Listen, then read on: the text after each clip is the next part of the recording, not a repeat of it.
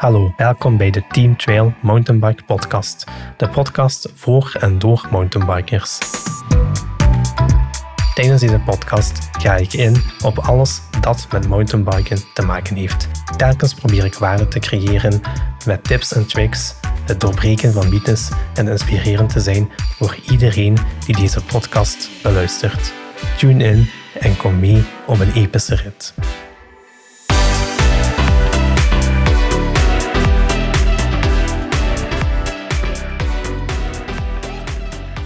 Vandaag ga ik het hebben over digitaal freeriden. Digitaal freeriden is een nieuwe term dat recent ontwikkeld is door Ray Leach, een heel inspirerende mountainbike coach. En in deze podcast wil ik, het er, wil ik er graag dieper op ingaan. Als ik aan mountainbiken denk, of als ik mij het inbeeld dat ik aan mountainbiken ben, dan stel ik mezelf voor op een zeer mooie trail in de bergen waarbij ik in de wijde omgeving alleen maar andere bergtoppen zie en waar ik geniet, waar ik beweeg in samenspraak en harmonie met mijn fiets, waarbij dat ik tot rust kom, weg van alle drukte en waarin ik eigenlijk alles in mij opneem, waarbij dat ik gelukkig ben en eigenlijk puur geniet. Tuut. Vertring ik word weer wakker in de realiteit. Ja. Mijn dagdroom is over. En mijn gsm heeft weer een nieuwe melding gegeven van Instagram. Ik probeer er niet naar te kijken. Ik probeer er geen aandacht aan te besteden. Maar helaas ben ik zo geprogrammeerd ja, dat mijn dopamine rush, of dat ik mijn lichaam weer terug ontsmeekt om een dopamine rush te krijgen. Dus ik pak mijn gsm en ik kijk naar Instagram, ik kijk naar mijn bericht en onbewust begin ik te scrollen op Instagram, begin ik naar het ene verhaal te kijken, naar het andere. En voordat ik het weet, ben ik 10 minuten aan het scrollen. En heb ik weer 10 minuten van mijn leven vergooid. En daarom wil ik het eigenlijk in deze podcast hebben over digitaal freeriden. Ja, dat is jaren geleden. Ik weet nog, toen ik ehm, op de middelbare school zat, dat was net de periode voordat social media ontstond. Ja, dus op dat moment was er nog geen Facebook, je had wel MSN, maar echt zo, die social media bestond nog niet. En ik weet nog dat ik toen ook al een fan was van extreme sporten.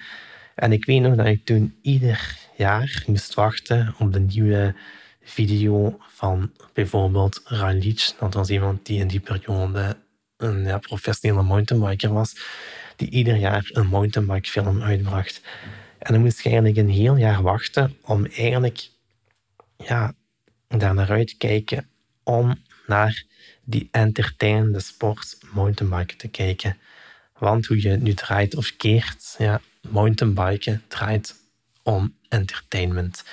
Alle grote mountainbike merken focussen zich vooral op entertainment. Nu, als we doorspoelen naar het jaar 2023, kan je overal mountainbike content terugvinden. Op Instagram, op YouTube. Je kan iedere mountainbike film dat je maar wilt of waar je maar een denkt, kan je opzoeken op Google. En dat is mooi. Dat heeft voordelen. Maar het heeft ook nadelen. Bijvoorbeeld op Instagram duiken er meer en meer filmpjes op van professionele mountainbikers die, enorm een, die een enorme skillset hebben, die eigenlijk de gekste stunts uithalen. En die professionele mountainbikers die het meeste durven, die halen de meeste likes. Vaak als je die profielen bezoekt van die pro-mountainbikers, die hebben tienduizenden tot honderdduizenden volgers. En wij als amateur, wij spiegelen ons daaraan. Ja? En wij proberen ook een following te krijgen, ja? waardoor wij ook stunts gaan uithalen die vaak ver boven ons niveau zijn. Eigenlijk op basis van likes, ja? op basis om populair te zijn, op basis van het aantal volgers te vergroten.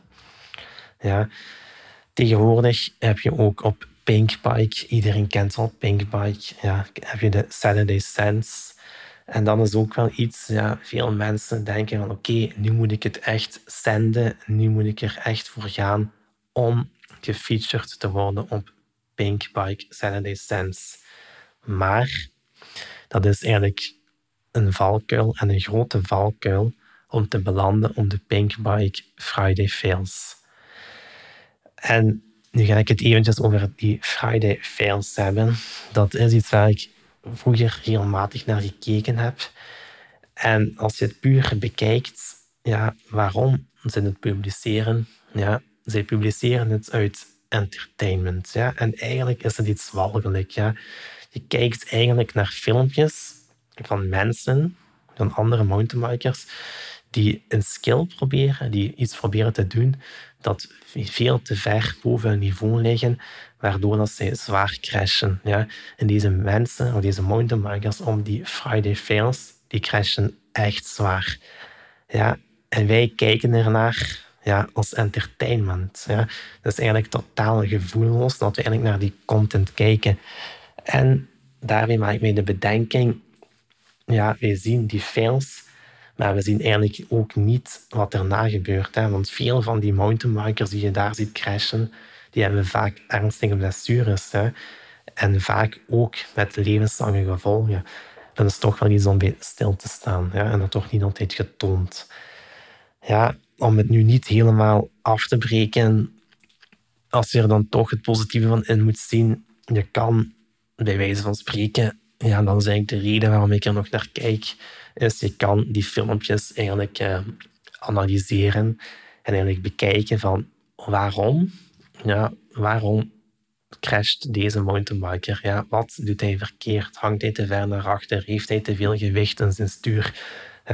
dat zijn wel dingen die je kan analyseren en zo kan je er wel uit leren. Ja, hetzelfde als je kijkt naar de Saturday Sense, kan je ook kijken van wat doet deze rijder en wat doet deze mountainbiker om deze skill tot een succesvol einde te brengen. Dus je kan er wel uit leren, maar nogmaals, ik denk niet dat deze filmpjes ja, daarvoor bedoeld zijn, maar dat zij vooral bedoeld zijn voor entertainment. Een tweede iets waar ik het over wil hebben, is nu we het over YouTube en Instagram hebben, is het opnemen van mountainbike content. Ja, dus als je het zelf opneemt. En tegenwoordig is het heel gemakkelijk. Ja, we hebben alle technologie. We hebben GoPro, we hebben Insta360, we hebben allemaal een gsm. Dus we kunnen heel gemakkelijk mountainbike content opnemen. Maar hoe je het ook draait of keert, iedere keer als er gefilmd wordt, als jij gefilmd wordt, ga je je toch anders gedragen. Ja. Alleszins, ik doe het toch. Ik ben zenuwachtiger. Ik ga dingen doen die ik normaal niet zou doen. Alleen maar omdat de camera aanstaat. Alleen maar zodat ik het nadien kan posten op mijn social media. En alleen maar omdat ik er likes voor kan krijgen. Ja. En ook het omgekeerde. Als jij degene bent met de GoPro die aan het filmen is je mountainbike-ervaring is niet hetzelfde. Ja, je beleeft de activiteit op een heel andere manier. Je bent meer aan het denken van, staat mijn camera goed? Heb ik nu wel een mooie shot? In de plaats van te genieten van het mountainbiken. Te kijken naar de natuur. Ja, de ervaringen je op te nemen. Het één zijn. Ja, het in die flow zitten. Ja, en dan is eigenlijk iets ja, waar mountainbiken om draait. Dat is eigenlijk de reden waarom we zijn beginnen met mountainbiken. Dus eigenlijk het zelf filmen van je mountainbike filmpjes of van anderen, eigenlijk heeft dat niet alleen. Eigenlijk ja, moet je er een beetje over nadenken van waarom, waarom film ik dit?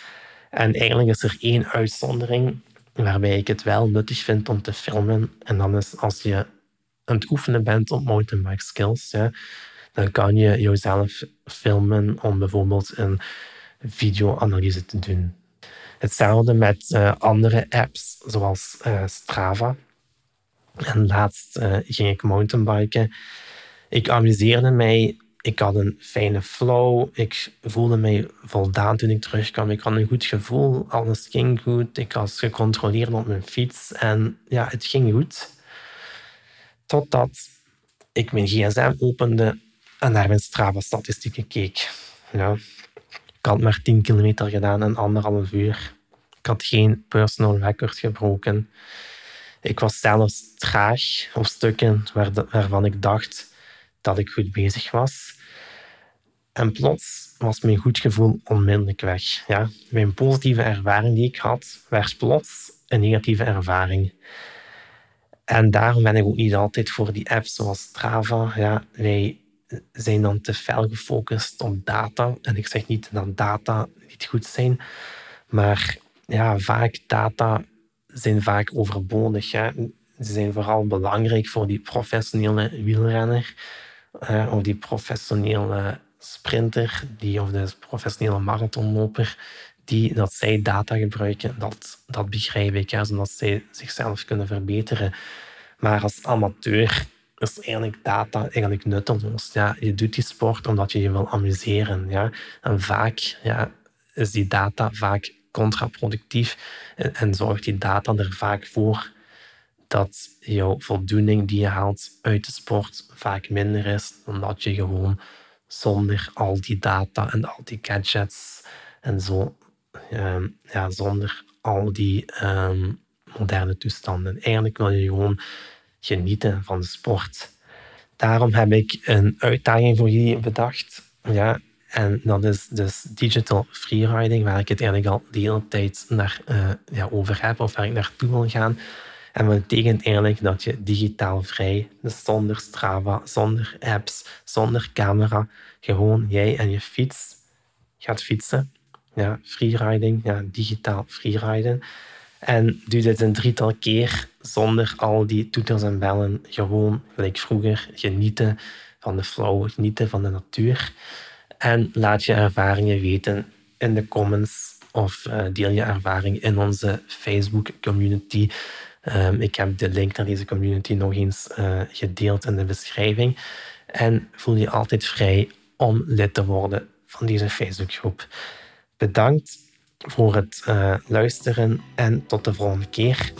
De volgende keer ga ik het hebben over de juiste lichaamspositie en waarom bikefitting overroepen is in het mountainbiken.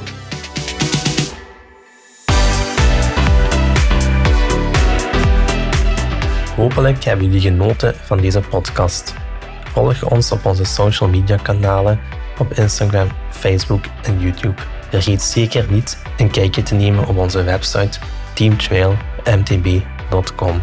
Volgende maand zal ik opnieuw aan de partij zijn, waarbij ik weer een interessante gastspreker uit de mountainbike community zal uitnodigen. Bedankt voor het luisteren en tot de volgende keer.